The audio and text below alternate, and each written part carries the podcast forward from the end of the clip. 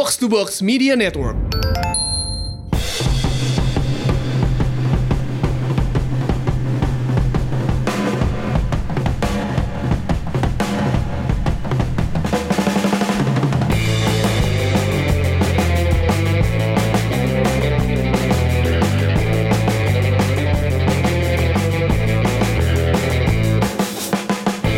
Welcome back di podcast Umpan Tarik bersama gua Aun Rahman. Dan gua Labib Sadat. Kita eh, karena Euro masih jalan, tapi bukan berarti sepak bola Indonesia nggak dibahas nih. Harus tetap dibahas dong. Yoi. Walau bagaimanapun marwah kita itu di sepak bola Indonesia. Iya, karena kita podcastnya kan Umpan Tarik. Iya, bukan cutting inside. Yoi. Hanya kita tetap membahas sep- sepak bola Indonesia meskipun Euro masih jalan. Seperti biasa, mu Euro bisa eh, teman-teman pendengar tontonin di Mola TV. Dan tentunya ada acara dari box to box bola ya. Yaitu Box Room. Alternatif acara untuk eh, sebelum pre-show-nya lah. Iya, pre-show buat nonton Euro. Nanti kalau misalnya emang dirasa bosen buat nonton yang di TV, bisa nonton box room aja. Nah, kebetulan banget nih Bib, kita kedatangan seorang bintang tamu yang spesial. Seorang le- legend nih. Legend. Legend. We bring the legend. ketawa deh. Dia ketawa nih. Kebetulan alma maternya sama-sama kayak gua, Bib. Pajajaran. Iya, Unpad. Unpad. Unpad. Unpad Pride. iya.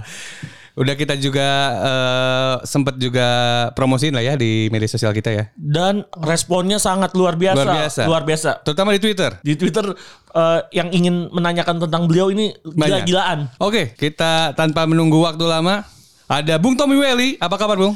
Kabar baik, sehat. Apa kabar Labib, Aun? Oke, wah suaranya khas banget ya. Aduh. Kayak kayak tadi di- disapa di studio nih gua nih.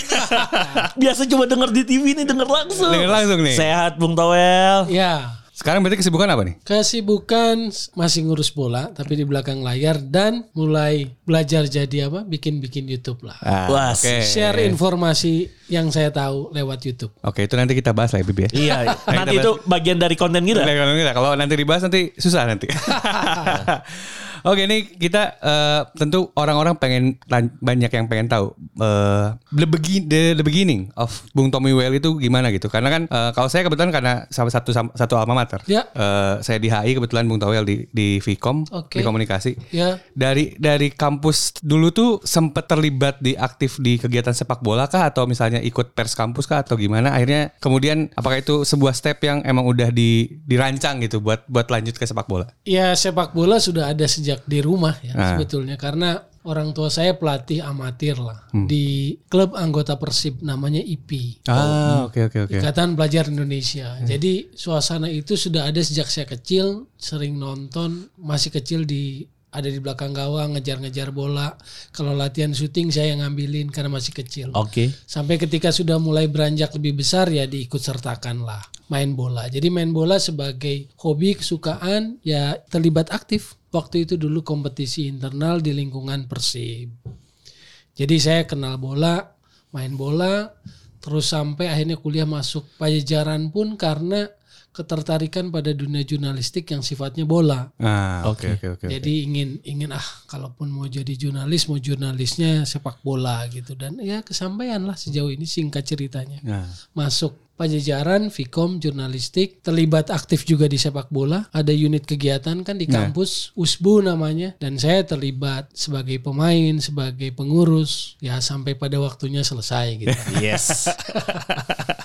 Bung, Ya, eh, ya. pengen nanya nih. Dulu kan di kampus tuh udah eh, terlibat aktif kegiatan sepak bola. ya Kepikiran gak sih? Eh maksudnya eh, sampai ada di posisi sekarang nih sebagai ya komentator, ada ya in charge lah terhadap sepak bola Indonesia. tahun 90-an kan TV swasta mulai muncul. iya ya. Jadi saya waktu itu mulai aktif di kampus, jurnalis eh, ilmunya mulai masuk di kepala, lalu saya terlibat aktif di sepak bola. Jadi kalau nonton bola, boleh percaya apa enggak, memang ada kawan saya. Jadi kalau waktu nonton tayangan live sepak bola, terus saya nyeletuk, saya bisa kok di situ saya bilang. Ah, Yes. Jadi komentator maksudnya. Ah, saya saya ketemu akhir lagi akhirnya dengan teman saya itu karena seorang jurnalis juga di beberapa stasiun TV di di di Indonesia. Satu kali setelah kita de setelah kita setelah sekian lama Yeah, kita ketemu lagi sayang beliau sudah meninggal dan dia nyeletuk yang pertama waktu ketemu saya adalah ingat nggak lu di kamar kos gue lu bilang lu bisa jadi kayak begitu iya gue Waktu itu komentatornya siapa? Eh, Pak Rayana jangan-jangan. Enggak, jadi awal-awal generasi awal itu ya, yang dari senior-senior wartawan bola, Ah, iya. iya. almarhum Roni Pati dan Ah, sebagainya. Oke oke oke oke. Nah, saya suka nonton sebagai masih mahasiswa waktu itu.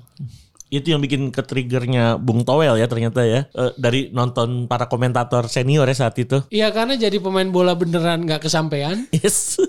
nggak kesampaian. Jadi ah, tapi senang bola, terlanjur ada ilmu tambahan yang saya tekuni secara akademis yaitu jurnalistik, komunikasi. Hmm. Ya saya mau di, menggabungkan itu pikiran Ah, saya waktu itu.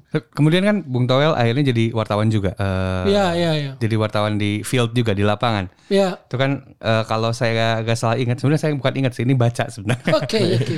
Satu angkatan dengan Monica Desidaria dan Reva Utama. Ya itu senior kan, Bang, Bang Dedi kan senior lah, atasan gitu. Ah, oke oke. Monica juga produser dan saya adalah yang eh, reporternya yang mengisi kontennya kan, program itu. Ya generasi itulah. Ber- Tapi dulu berarti acaranya emang acara sepak bola atau bukan justru waktu pas di di di TV. Ada sport secara umum, Nah, tapi juga ada yang sport eh, sepak bola aja. Kan waktu itu kalau zaman zaman waktu itu Kala itu. kala itu 90-an lah ya. Iya, 90-an. Menjelang akhir itu kan ada yang namanya sepak bola dunia. ah, Saya sama rekan senior Boy Noya itu kan. ah Boyno ya oke oke. Kalau oke. Boy Noya keluar, saya yang harus ngisinya. Gitu. Ah. Jadi backup lah, karena saya masih juniornya. Ah. Jadi kalau Boy sedang keluar kota atau sedang cuti, program itu harus jalan ya, saya yang harus ngisinya. Ah, oke oke. Lalu ada lensa sepak bola nasional. Ah, iya iya. Om Tris, Om Tris masih ada lah, tapi sekarang mungkin di kampung halamannya di Pati kan, Tris Irawan. Iya, Bung. Ah? Waktu itu kan sama-sama kita di Antv. Bung, eh, Ya. ingat gak sih eh, pengalaman yang paling nggak terlupakan ketika jadi komentator pertandingan apa atau ada satu momen yang memorable banget lah? Memorable. Banyak sih ya. Kalau memorable saya pikir banyak. Tapi hmm, 2000 s- sorry. Jadi biasanya dulu kita berbagi dengan senior-senior tapi sejak 2008 pihak stasiun TV memplot saya selalu di opening dan closing. Hmm. Oke. Biasanya opening siapa, closing siapa. Tapi sejak 2008 saya selalu di opening dan closing. Jadi itu kan sesuatu yang menurut saya sih privilege lah, Iya, iya, keistimewaan ya. Pertandingan pembuka, event besar dan final gitu loh. 2010 lah mungkin kalau mau di, harus ditanya mana yang paling berkesan karena 2008 2010 lah. Karena waktu itu saya ingat pembukaannya itu ada ada band-band yang siapa lupa. Deddy Lisan tuh apa ya bandnya? Oh, Andre and Backbone. Yes, dia dia vokalis, dia bikin acara lalu dia turun ke bawah, dia tanya, "Bung Toel, jagoannya siapa?" Spanyol saya bilang. Itu Ah. 2008. Wah, nggak mungkin lah, Spanyol kan belum belum pernah menang. Ah, iya, belum iya. pernah juara, kata Deddy Lisan. Iya, kali ini saya bilang juara. Kan kejadian. Kejadian juara tapi. Di Euro 2008 ya? Yes, 2008. Lalu 2010 juara juga kan. Iya, World Cup. Ya. Kalau di lok karena kan Bung Toel juga jadi komentator di sepak bola Indonesia juga, lok, Ya, di lokalan juga. Kalau di lokalan ada pengalaman yang paling ini nggak berkesan gitu? Pengalaman paling berkesan banyak sih, tapi mungkin terakhir-terakhir kali ya. Tahunnya belakangan. Jadi ada yang ngomong gitu loh. Jadi kalau ente jadi komentator, babak pertama biasanya kosong-kosong kalau pertandingan itu mau dimainin gitu loh. Ntar golnya di babak kedua. Tapi tahunya setelah setelah pertandingan. Jadi pantesan kalau mau siaran itu suka ada yang kontak saya telepon temen sih. Ah, Dia suka nanya, Bung nanti siaran pertandingan ini. Kebetulan siaran sih jawab, Iya. iya siaran saya bilang. Udah gitu doang sebetulnya. nggak nanya lagi apa-apa. nanya lagi, saya biasa bertugas. Setelah itu baru men- dia ngomong tuh setelah selesai musim gitu ketemu. Jadi biasanya kalau ente yang siaran kita bikin kosong-kosong katanya kurang ajar. ini berarti wah ini pertama. ini cerita ini berarti. Bin. Cerita unik karena Ini cuma ditanya unik. doang. Ini cuma Bung, ditanya doang. Ah, iya kadang saya ditanya Oh, dulu doang. sebelum apa pertandingan. Ah, Nggak nggak ada kelanjutannya cuma Nggak ditanya. ada siaran nggak siaran. Ya, udah, Pertandingan sore ya. Iya udah. cuma ditanya doang. Unik banget ini. Setelah ada cerita ujungnya saya baru tahu kayak ngecek berarti kan. Oh, iya. Siapa nih komentatornya nih? Bung Towel apa bukan? Bukan.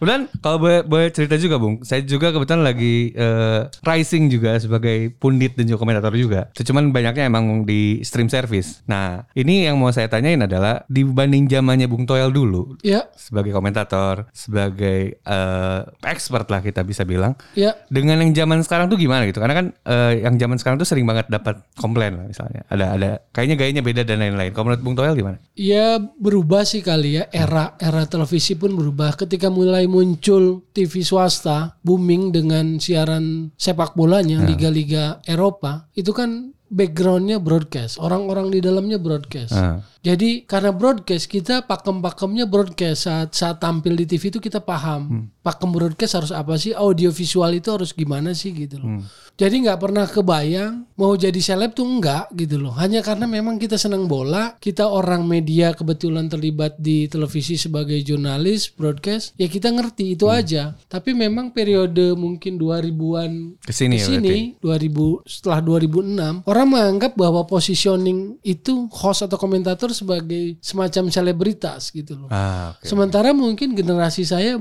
Nggak- mikir itu, Ah, nggak mikir selebritas.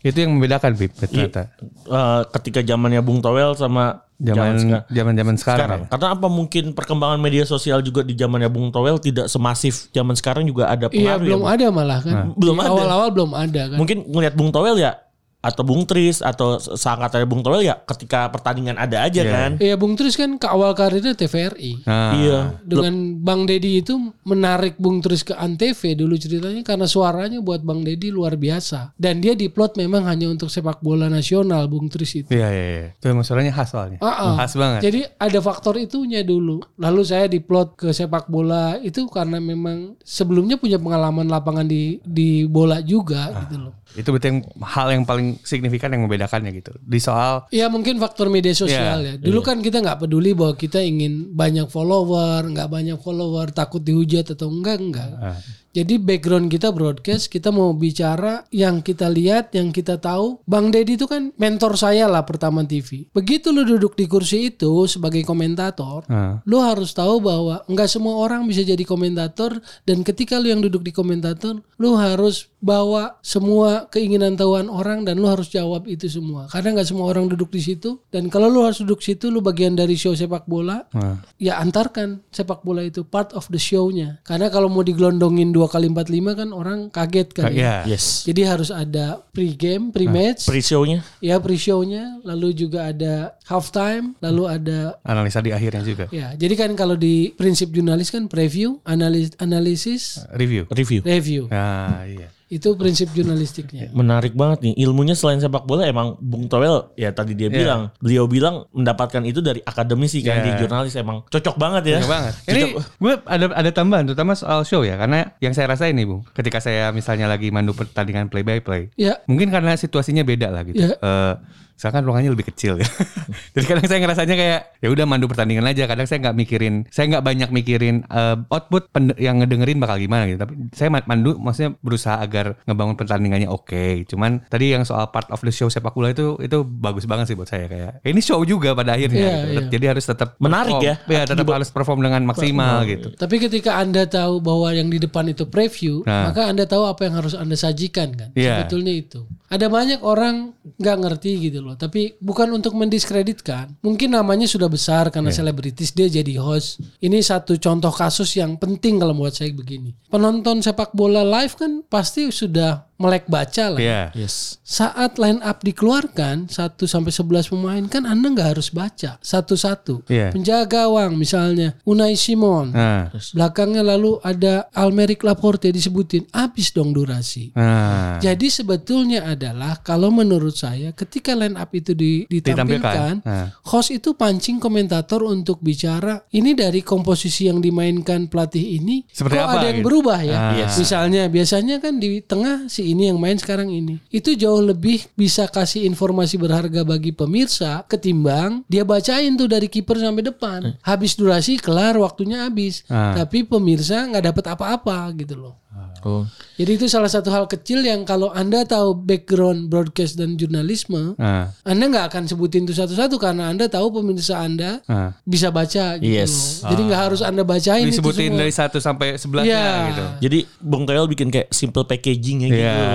Ini sih sebagai contoh ya. Contoh, contoh. Jadi kalau line up lu harus cepat Anda lihat apa sih isu yang bisa kita angkat dari line up ini gitu. Yang kemudian pemirsa mendapatkan sesuatu dari informasi itu. Nih ada yang ada ada case saya lupa pertandingannya apa tapi Ya. mendalam buat saya karena seingat saya Bung Toel tetap eh, berkomentar objektif. Ya, ya. Situasi saya lupa apakah penalti gitu kalau nggak salah penalti menit akhir kalau nggak salah ya. Tapi Bung tetap tetap ngobrolin ya mempertanyakan kenapa tiba-tiba penalti gitu. Ya, ya, ya. It- Nah, mau saya tanyakan ketika lagi apalagi kan di broadcast TV gitu, Iya, levelnya iya. TV nasional. Tentu ada kita bisa bicara soal kepentingan dan lain-lain. Untuk tetap objektif tuh gimana gitu? Ya sulit ya untuk tetap objektif saya akui apalagi ketika memulai memasuki zaman media sosial. Nah, Ada banyak yang ingin terpengaruh, saya ingin populer gitu. Saya takut dihujat. Jadi si- dia ikut suara Terbesarnya, publik ya, ya, ya. yang belum tentu itu itu yang paling objektif dari kondisi sepak bolanya. Itu belum tentu. Itu satu. Yang kedua kalau saya pribadi, saya nggak pernah yang namanya taruhan. Ah, Yes. oke oke. Satu saya nggak pernah taruhan. Kedua kalau sepak bola lokal, kepala saya nationwide, me- merah putih. Ah, Even saya main bolanya di Bandung, saya kenal sama orang-orang Persib zaman dulu sampai sekarang. Bahkan kalau sampai saat ini yang namanya Yudi Guntara, kalau kalau anak Bandung, anak Persib itu pasti hafal tuh Yudi Guntara. Iya. Yes. Dulu saya lincah sekali, kayak Jang biar papang lah kalau kalau kita mau.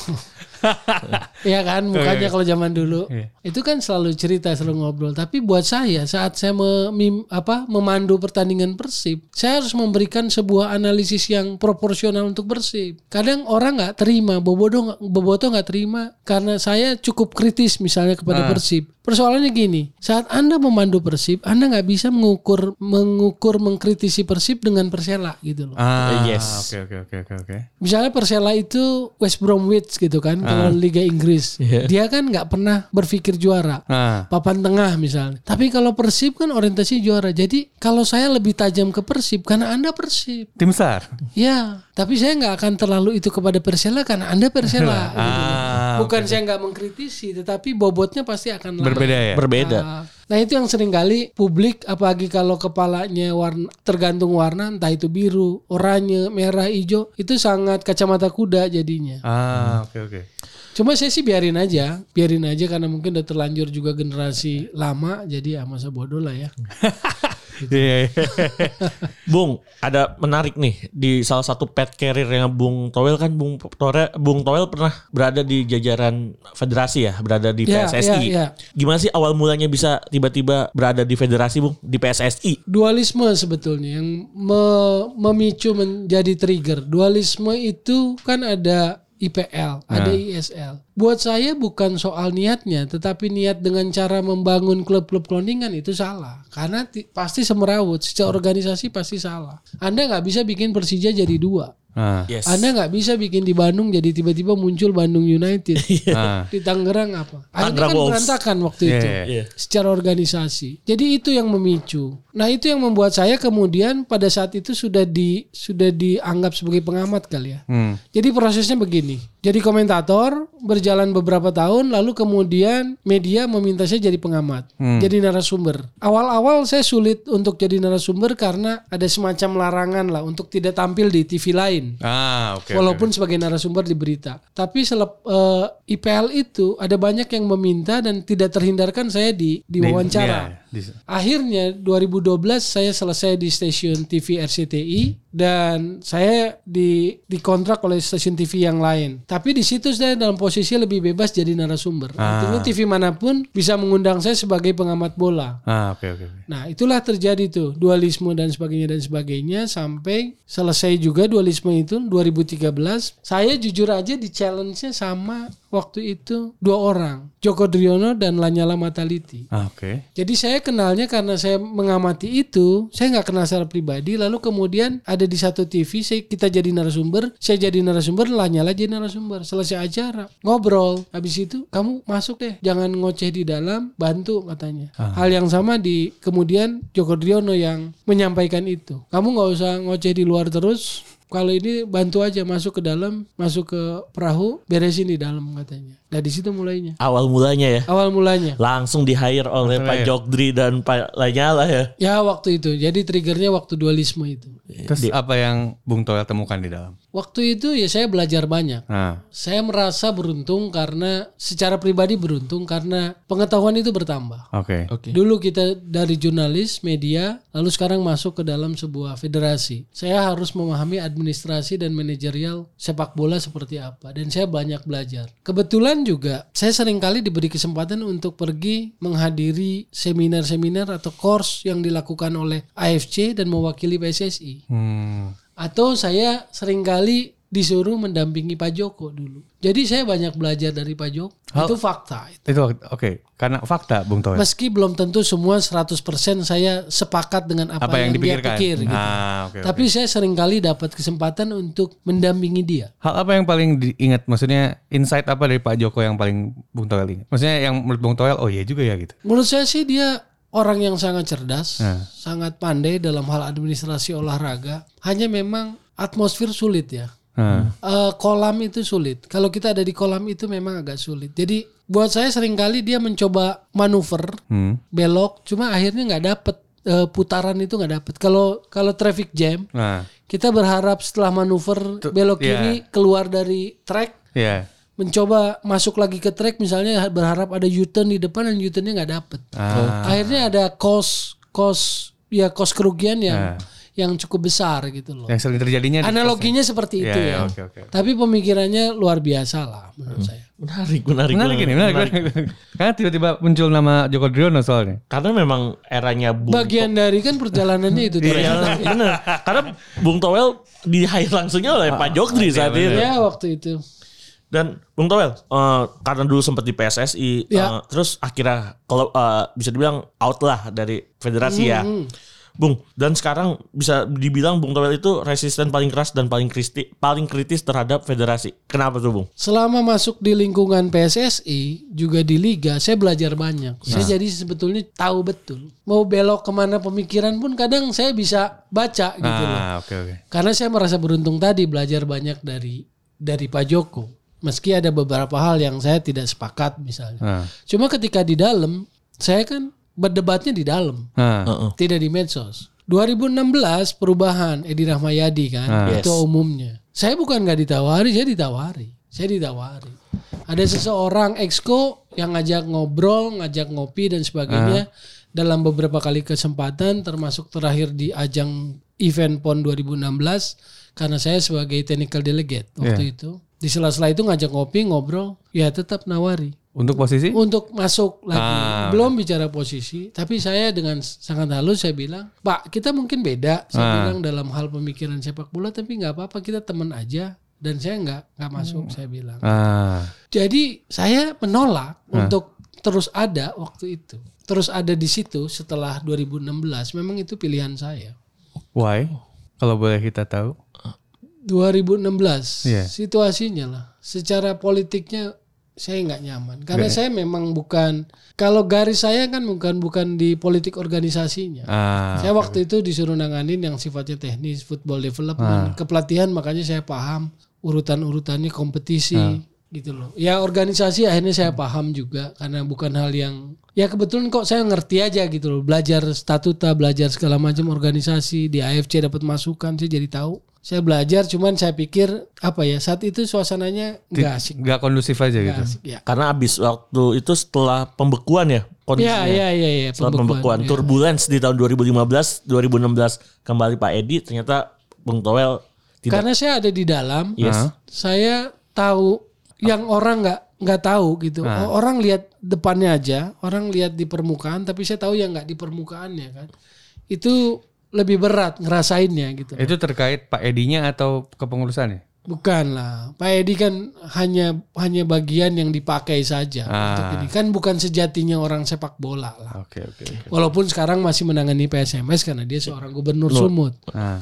cuman waktu itu pun harus dipahami misalnya saya kan jadi juru bicara Hmm. Apakah saya minta jadi juru bicara? Enggak, sama sekali saya nggak minta jadi juru bicara. Jadi ketika terjadi pembekuan, terjadi turbulensi, ada meeting antara Ketua Dewan Kehormatan PSSI Pak Agung Gumelar dengan Pak Lanyala didampingi para exco. Hmm. Waktu itu permintaan Pak Agung yang juga diamini oleh Pak Lanyala adalah supaya tidak memperkeruh situasi, mohon exco-exco yang posisinya tersangkut di politik, entah itu partai, entah itu DPR, DPRD, tidak ah. bicara soal sepak bola. Ah, oke. oke. Jadi saya meminta katanya untuk juru bicara PSSI terkait sepak bola adalah saya. Ah. Pak Nyala mengamini, mengiyakan dia ketua umum PSSI yang untuk urusan legal hukumnya yang jadi juara bicara adalah Aristo Pangaribuan. Iya, Bang Aristo. Jadi dua kami ini ditunjuk tanpa meminta, tanpa apa. Kami sadar akan jadi Ujung tombak lah. Ah. paling depan karena berhadapan dengan itu. Tapi saya merasa bahwa yang saya katakan tidak menyalahi marwah sepak bola karena saya bicara based on aturan. Ah, oke oke. Toh fakta per hari ini kita tahu bahwa itu semuanya kan backgroundnya adalah politis Hmm. yang mengenai Panyala gitu loh. Dan saya tidak akan mengkhianati Panyala, dia yang meminta dan setahu saya pun dia tidak merusak sepak bola. Jadi ya saya waktu ditinggalkan banyak perahu itu ditinggalkan. Ya, banyak yang PSSI itu ditinggalkan banyak yang kabur. Saya pun ditawari untuk per- pergi, tapi saya bilang enggak lah. Kita last man standing aja di sini selesaikan apa yang sudah selesai kan. Ah, oke. itu yang saya lakukan sampai 2016 ketika diambil alih oleh Pak Edi Rameyadi dan Joko Driono ada di sana tuh. Nah, iya. Yes. Iwan Budianto ada di sana tuh. Yes. Ini jadi terdiam gua, Bib. Tapi jadi kita teringat comeback ke era-era itu Iya, iya. iya. ada part-part yang kita nggak tahu Iya. dan akhirnya kita paham dari Oh. obrolan Bung Towel Ah, kali Bung ini. Towel ini. Iya. Why? Wah banyak sebetulnya Nah. karena waktu itu kan FIFA juga turun tangan bikin namanya apa Komite Ad Hoc Reform Iya. Yes. Yang stakeholder eh, stakeholder sepak bola Indonesia semua masuk. Ah. termasuk pemerintah dan sebagainya. Ya menarik lah. Senior senior di sana. Saya hormat tapi di situ juga terjadi perdebatan saya dengan Pak Jokdri Ah. ini kan bukan persoalan personal ini persoalan sepak bola. Yes. jadi buat saya nggak ada yang personal. Kalau beliau marah ya hak beliau lah mungkin karena ini anak didiknya kok akhirnya berdebat saat itu di komite ad hoc ada Pak Agum sebagai ketua Ah, oke oke oke. ketuanya ya Pak Agum tapi posisinya kan waktu itu kita ingin mendudukan persoalannya secara clear clear dan sesuai aturan itu aja Oke, ini banyak banget eh terutama karena kita bahas federasi ya. Iya. Dan tadi apa pun yang terjadi.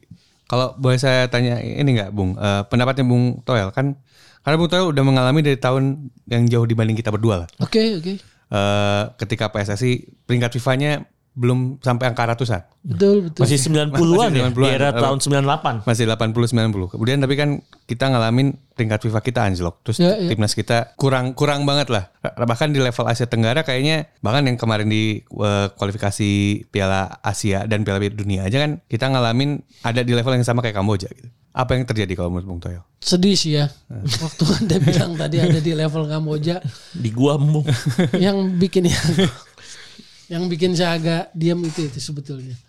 Apa yang terjadi? Yaitu tadi di federasi itu memang nggak gampang. Nah, Apalagi kalau orang yang mimpinnya itu lu nggak tahu aturan dan mau mainin sepak bola untuk kepentingan-kepentingan yang pendek. hmm. Betul harus mikirin sepak bola dan aspek bisnisnya, tetapi itu harus seimbang. Termasuk di timnas.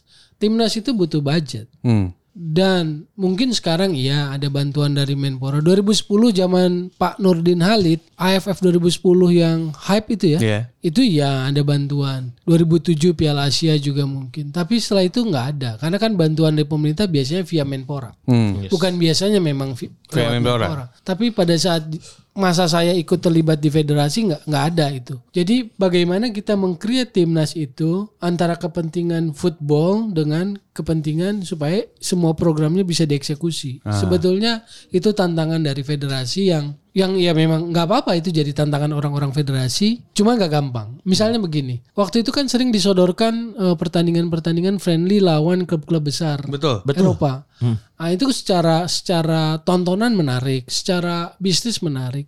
Tetapi kita nggak bisa cuma itu karena itu kan nggak menghasilkan poin apa pun. Di FIFA. Yes.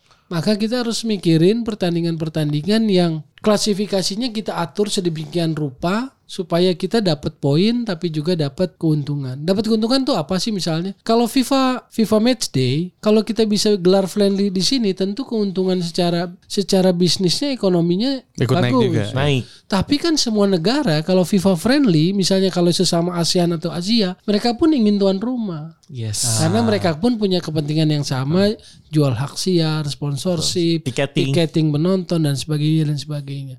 Jadi itu bukan perkara yang mudah. Makanya tim nasional itu harus ada badan khusus yang kelolanya. Ada orang internasional yang melobi federasi lain, Ah, oke oke. ngajuin main di kita, match fee-nya sekian, fasilitasnya sekian kan harus dipikirin dulu. Kadang banyak permintaan yang cukup cerewet juga kok dari dari negara orang yang kita susah gitu loh. ngehandle-nya karena misalnya permintaan ini ini ini itu.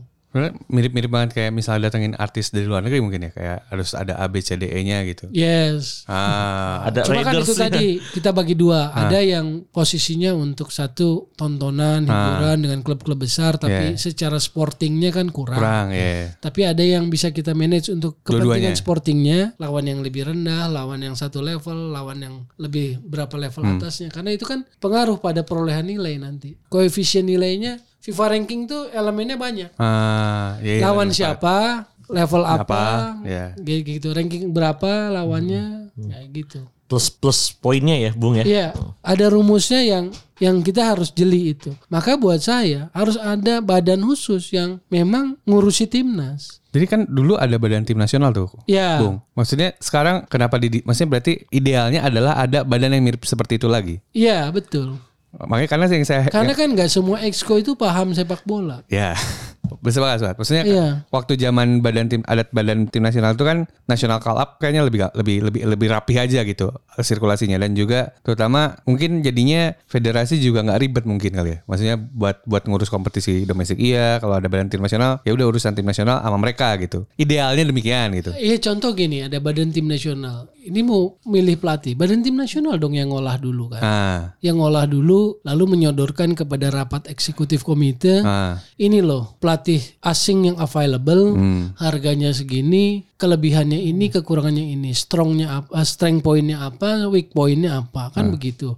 Lalu dipikirkan sesuai kemampuan yang ada, kan begitu. ah, iya. Akhirnya Exco memilih ini gitu loh. Misalnya secara alasan sepak bolanya ini pas nih dengan filosofi sepak bola kita gitu kan. Jadi ada kesinambungan. Nah itu yang harusnya jadi pertimbangan-pertimbangan Exco sebelum memutuskan pelatih tim nasional. Ah, oke oke oke. oke. Gitu. Kalau ini kan kalau Exco yang ngambil keputusan terus kita misalnya bicara kan akhirnya gini publik sekarang contoh Sinteyong ditetapkan toh Ya. oleh Iwan Bule ketua umum. Hmm. Lalu sekarang publik nanya, ini nyambung nggak sih sama filosofi sepak bola nasional? Ah. Ih, jangan berharap itu. Kalau nggak ada yang kasih feeding informasi Sebelumnya itu. dulu itu. Iya. Ah, oke, Harus ada ya, Bung. Iya, dan tidak ada kewajiban buat Sinteyong untuk memikirkan filosofi sepak bola Baik, Indonesia karena dia di hire sebagai head coach, bukan sebagai direktur teknik. Teknik. Itu statement yang sangat bagus dan gua, saya menunggu soalnya Bung. Karena eh, jujur saya juga ba- terlibat banyak diskusi. Banyak yang bilang ya ya eh, Sintayong harusnya mengimplementasikan Villanesia juga. Tapi kan menurut saya saya saya men- menjawab dengan tadi yang statement yang mirip sama Bung Towel. Nah, dia kan di di di di di hire-nya buat jadi head, Head coach, coach. tim nasional bukan jadi Sport director. Iya, seperti director dan lain-lain. Makanya menurut saya sih fine-fine aja gitu. Jadi kalau head coach itu, apalagi senior itu hanya untuk for tomorrow, untuk hasil, result. Yes. Tapi kalau direktur teknik for the future, Nah, kerjaannya itu for the future. Jadi misalnya dia set up Youth National League gitu. Ah. Kompetisi nasional usia muda.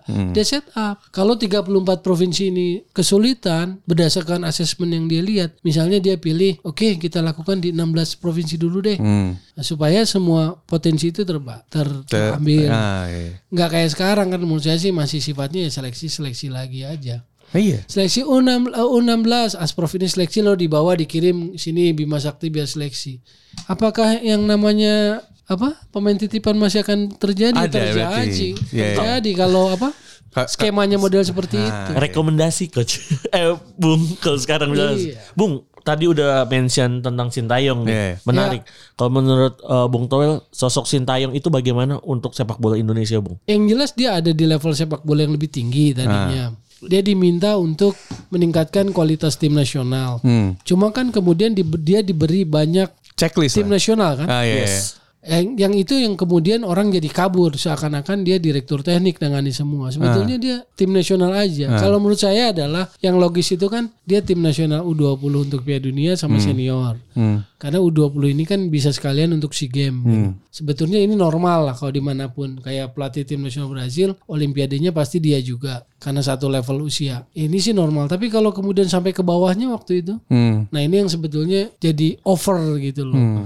Nah itu yang saya bilang, ini kok para exco ngambil keputusannya seperti ini. Hmm. Kelemahannya apa kalau ditelusuri? Karena nggak semua exco paham tentang Si football, technical iya. football itu. Maka bagusnya sebetulnya ada badan yang menyodorkan feeding sebelum rapat itu begini-begini presentasikan under kesekjenan kan. Iya, iya. Lalu ya exco tinggal pilih keputusannya apa. Bagaimana gitu. Iya, tapi semua disodorkan oleh orang-orang profesional teknikal yang Nah. memberitahu loh, begini begini begini begini gitu. Jadi sebenarnya kalau kata menurut Bung Toel tuh seperti dulu ada Badan Timnas Nasional atau BTN itu sebenarnya sudah cukup mm, ideal Bung untuk timnas itu sendiri. Ya iya, menurut saya ada badan yang ngurusi itu, ada ada administratornya yang ngurus segala macamnya gitu loh.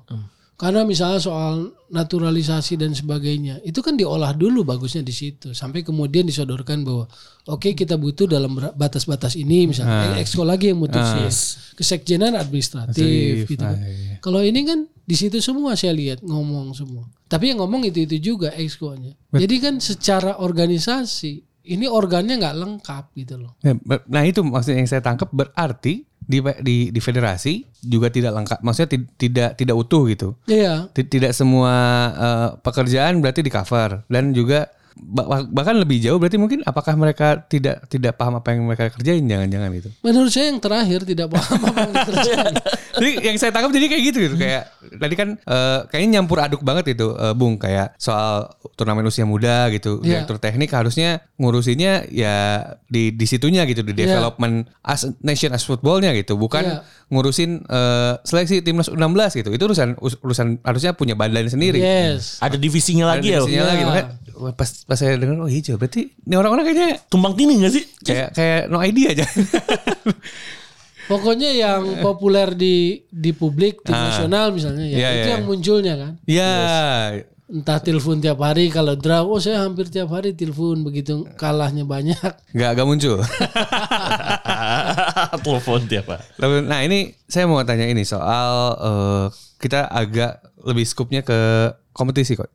Kompetisi Bung. Ya, Kan pasti ada perbedaan ya. Eh, menurut waktu pas zaman du- 90-an ya kita nggak perlu terlalu jauh. 90 2000 awal zaman ISL, zaman Liga Jarum. Itu kan kita sanggup bisa nge-running kompetisi sampai jauh sampai banyak banget pesertanya. Bahkan selain liga kita ngegelar eh, Copa. Eh, Copa apalagi pesertanya banyak banget. Ini pandangan pandangan saya pribadi. Bah, kenapa sekarang kayaknya buat running liga top tiernya aja kayak tuh kayak kembang kebis kayak kesusahan. Kayak berat banget. Kayak gitu. berat banget itu. Menurut, nah menurut Bung Towel, apa yang membedakan kompetisi zaman dulu? Ya zaman-zaman unifika, dari unifikasi kompetisi lah dari Galatama jadi Liga Indonesia gitu, Galatama Persikatan Liga Indonesia sama, sama sekarang gitu. Apa yang membedakan banget gitu? Kenapa sekarang kayaknya eh, gak, gak, gak se, se enjoy untuk buat penonton ya, tidak se enjoy untuk dinikmati dan kayaknya tidak serapih dulu gitu. kalau waktu ISL misalnya, Ah, isu isu kompetisi nggak dapat izin kan nggak pernah muncul. ya contohnya itu. Bahwa di tengah perjalanan kompetisi kadang ada delay, ada penundaan karena isu pilkada, izin dan sebagainya, iya. Tapi overall isu yang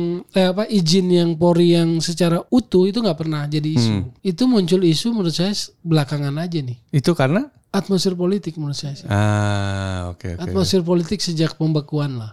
Abis pembekuan waktu Iya, karena kan rekomendasi Kemenpora, rekomendasi BOPI Hmm. dan sebagainya. Ini ini menurut saya jadi jadi agak birok, birokratis. Kemudian kepastian itu jadi nggak dapat. Hmm. Artinya kan posisinya jadi ketidakpastiannya besar. Ini kompetisi apa enggak sih? Diizinin apa enggak sih? Nah itu yang sebetulnya kurang bagus buat atmosfer industri sepak bola. Hmm. Karena kalau seperti Aun bilang kompetisi liga profesional itu kan kita bicara nggak cuma sepak bola. Saat Anda bicara kompetisi profesional, setengah 50 persennya bisnis. Hmm.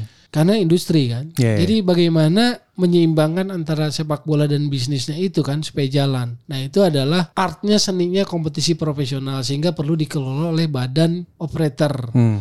Cuma kalau saya lihat yang sekarang nih operatornya kayak hanya event organizer gitu loh. Kayak cuman ngerunning aja gitu. Iya, kan dia sebetulnya harus punya yang waktu zaman jujur seperti zaman Pak Joko itu pemikirannya bagaimana liga ini Hah? bisa mendongkrakkan kualitas liga dari musim ke musim. Nah, Musim iya. ini apa, musim, Musim depannya berikutnya apa?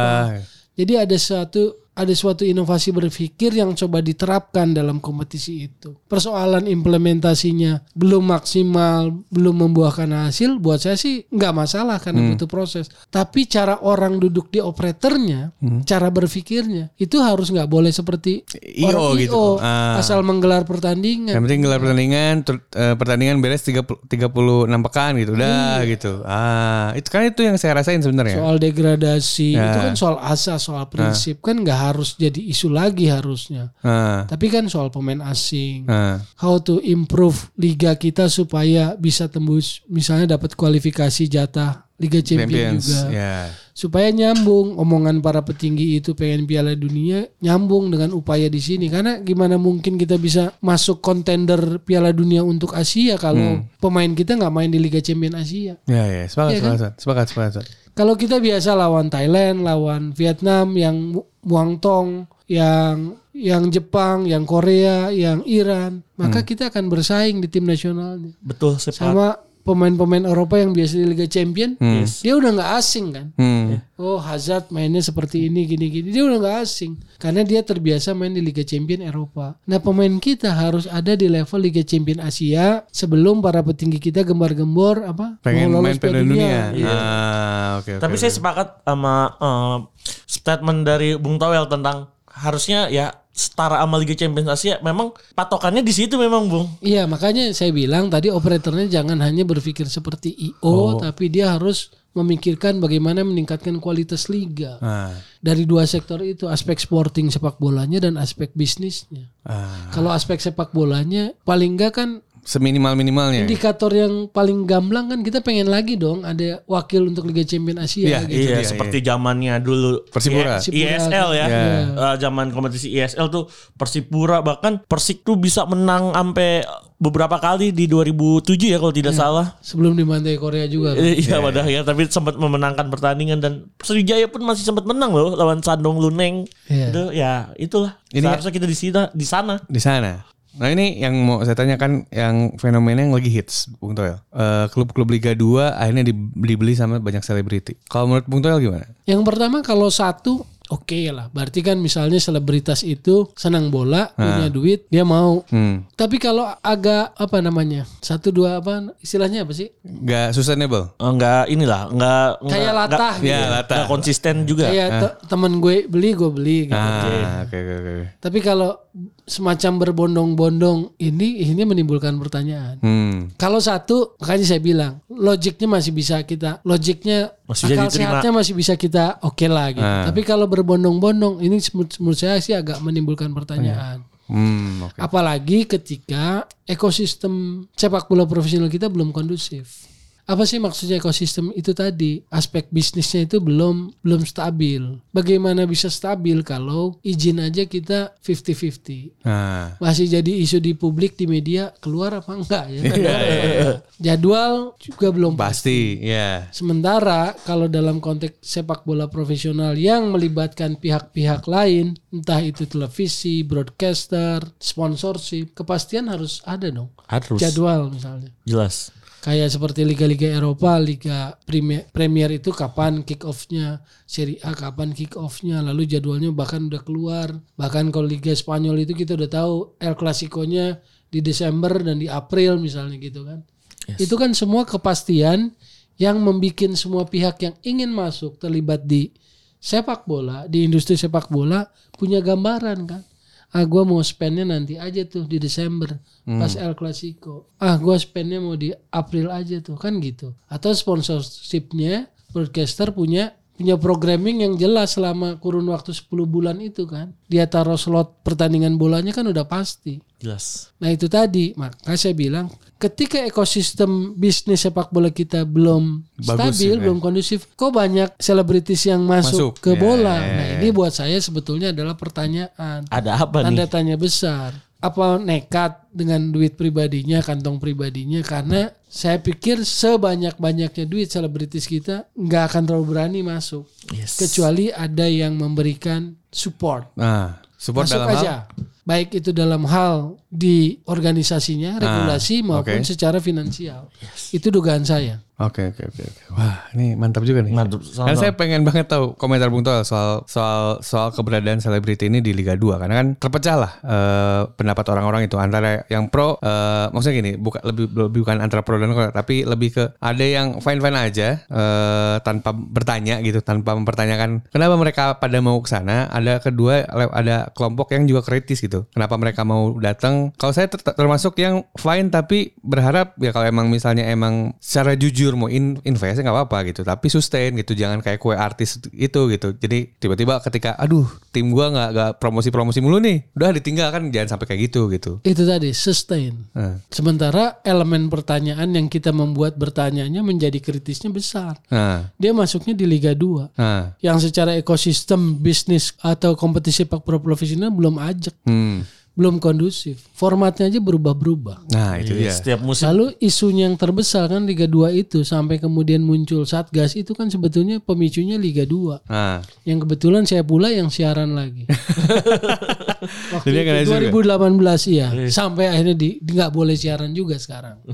Jadi lucu kan? Ya karena nggak mungkin lah. Saya sekian tahun nontonin bola jadi komentator hal-hal yang aneh itu nggak mungkin saya nggak paham. Kalau anda ngikutin satu tim atau satu permainan sepak bola di negara kita, kita tahu kok level standar seseorang itu kita Gimana? bisa tahu.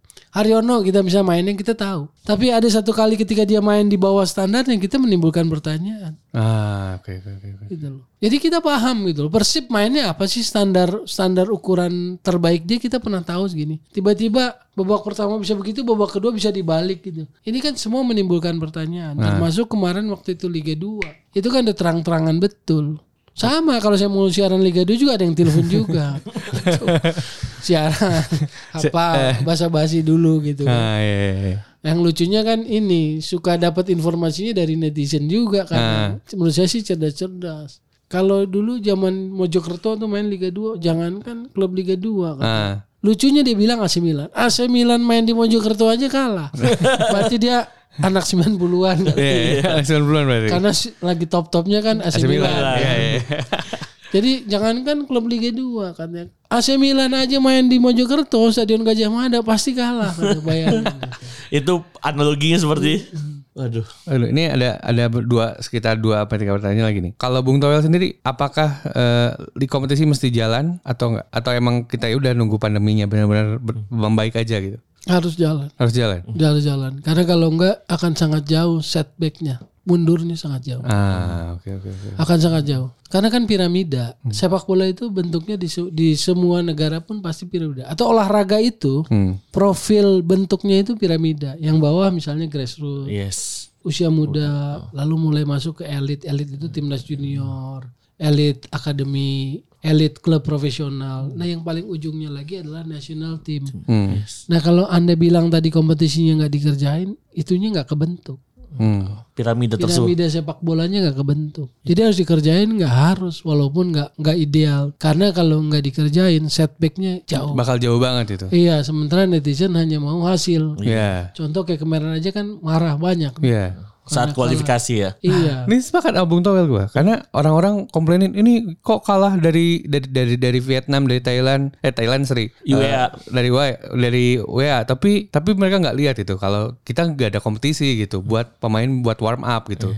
Tapi di, pemain-pemain kan diha- dihantamin semua. Kayak menurut saya sih nggak fair gitu. Kita juga harus eh, lihat kalau emang kita nggak ada kompetisi dan saya sepakat sama Bung Toel soal setback sih terutama nanti kalau misalnya kita kompetisi nggak jalan Atau tanpa promosi dan degradasi. Iya gitu, itu juga gitu. Itu bakal jadi setback yang nggak bagus banget lah. Kita bakal zero year-nya bakal jadi mulai lagi dari nol jadinya. Iya. Bak- bakal ribet lah. Makanya saya saya jujur ya, ini teman-teman benar saya jujur ya. Saya sering mempertanyakan kenapa orang-orang yang sering sering bikin wacana liganya udah gak, gak usah gelar aja gitu. Why gitu. Saya saya sering banget lihat di timeline lah. Udah liganya nggak usah jalan dulu eh, eh, beresin beresin dulu vaksinasi dan pandemi iya tapi di, di, batok kepala saya sebenarnya dua-duanya bisa jalan gitu barengan tiganya tetap harus jalan vaksinasi pandemi ya wajar harus ja- pasti itu harus jalan gitu Iya makanya ini kerjaan tantangan besar sebetulnya buat federasi sekarang regu- Ah. sebagai regulator dan juga PT Liga Indonesia Hmm. Baru sebagai operator. nah ya Itulah yang saya bilang pemikirannya harus lebih dari sekedar event organizer yang menyelenggarakan pertandingan. Dia harus mulai mikir kalau pandemi gini apa Ah. isunya, secara recap kah apakah dibikin konsep Hmm. itu dan sampaikan kepada klub. Jadi harus clear semuanya. Ini yang menurut saya nggak clear.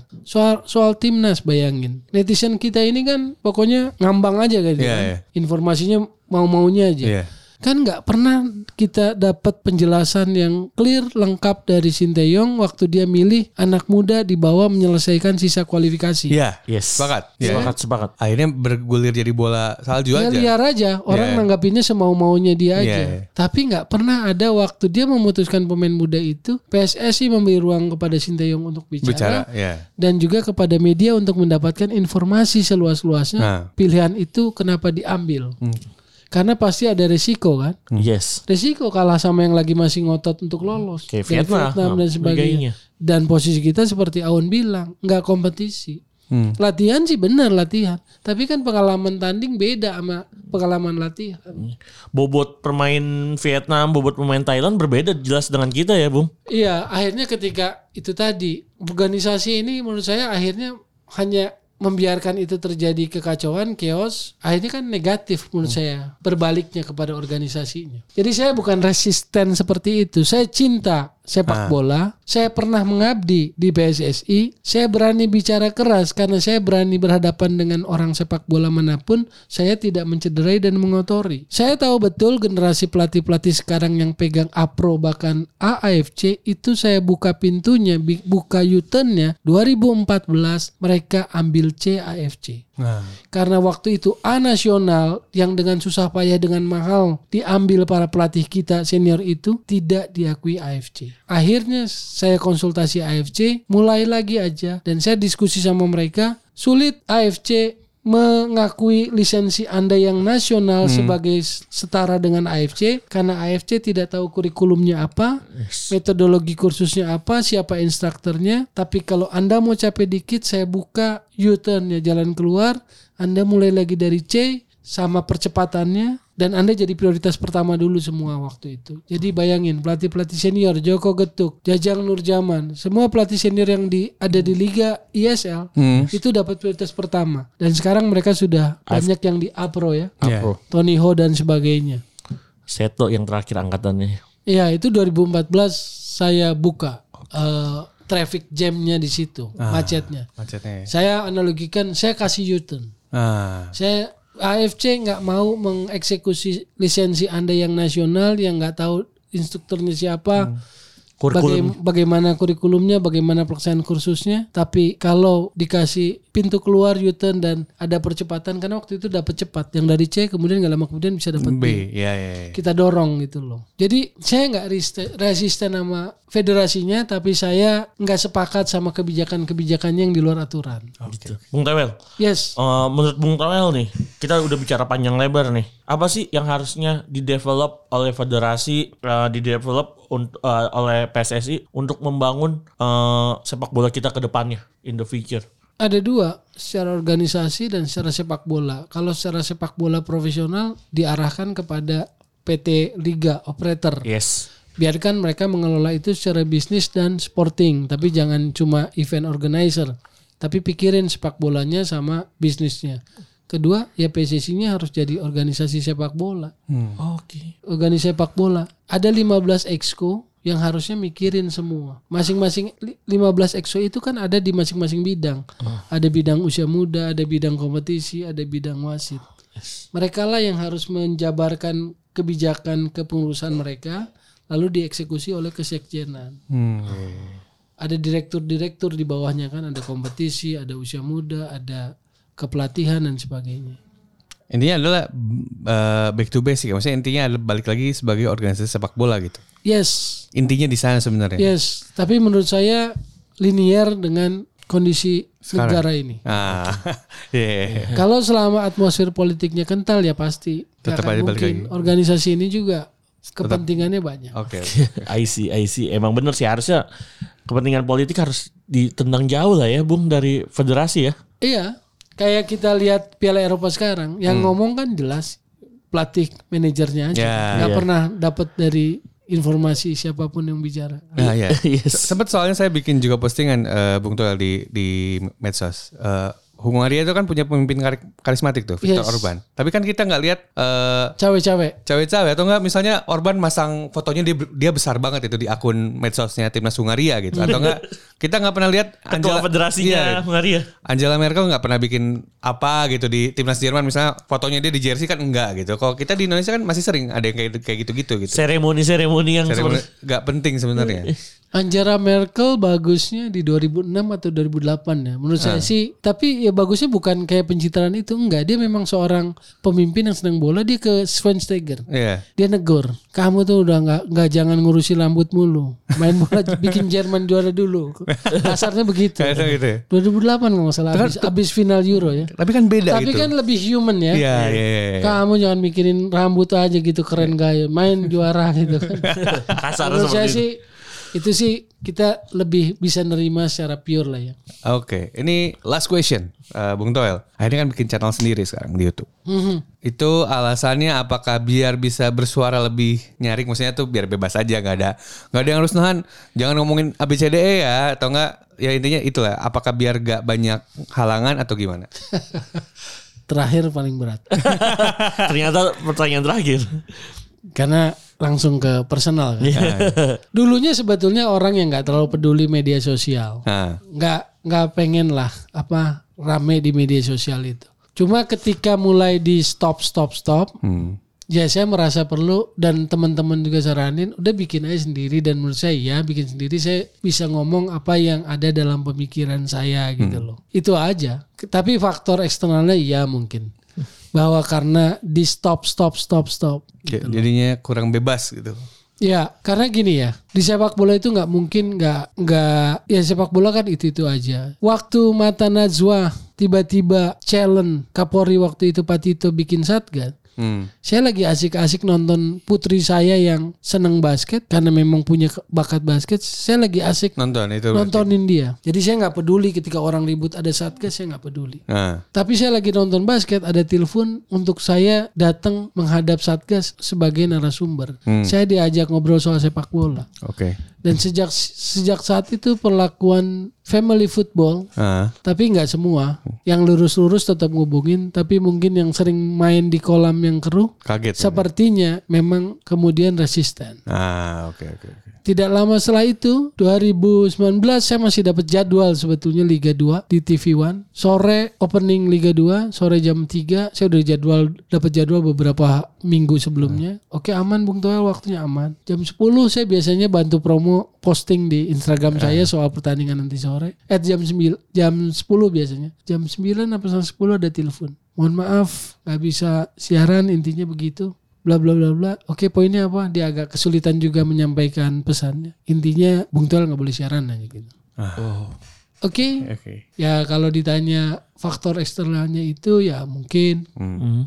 ya kemudian entah apa seperti bergulir jadi seakan-akan ada blok-blok itu. Padahal kalau dari sisi olahraga buat TV 2011, 2013 saya pikir saya sudah menyumbangkan rating yang oke buat televisi di SEA Game, final SEA Game ya Indonesia. Iya. 2010 opening dan final, Final. Piala Dunia. World Iya. Cup Iya. Afrika, ah, apa Afrika ya? Iya. Ya dapat informasi dari orang programming ketika masuk halftime nggak anjlok apa Nggak turun berarti. share Iya, rating share nggak ya. nggak terlalu turun tapi ya nggak apa-apa nggak perlu nggak perlu jadi semacam kalau istilah saya nggak perlu jadi semacam kepahitan atau Hmm. kekecewaan yang berlarut-larut semuanya saya jalani ya kemudian akhirnya ya bikin aja sebatas yang saya mampu Hmm. makanya tadi saya tanya-tanya oh ini studio ya ini gini, gini. Nah, tadi sama Labib. Labib iya karena ya ya ini saya memulai itu saya ngomong sendiri aja soal sepak bola Oke, ada yang mau ditambahkan, Bung Toel?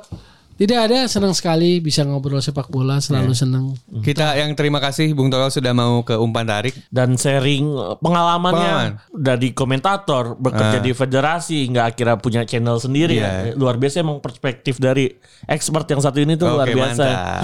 dan dan suara khasnya tuh yang selalu kita dengar di televisi dan dengar langsung di headset tuh nggak pernah berubah Oke, mantap. Terima kasih, terima kasih. Salut. Kami yang terima kasih Bung Toel. thank you banget Bung Toel Bung Toel Nah ini te- eh, teman-teman pendengar jangan lupa juga buat nontonin channelnya Bung Toel. Di namanya apa nih berarti? Go cek Bung Toel. Ah bisa di bisa dicek nanti ditonton.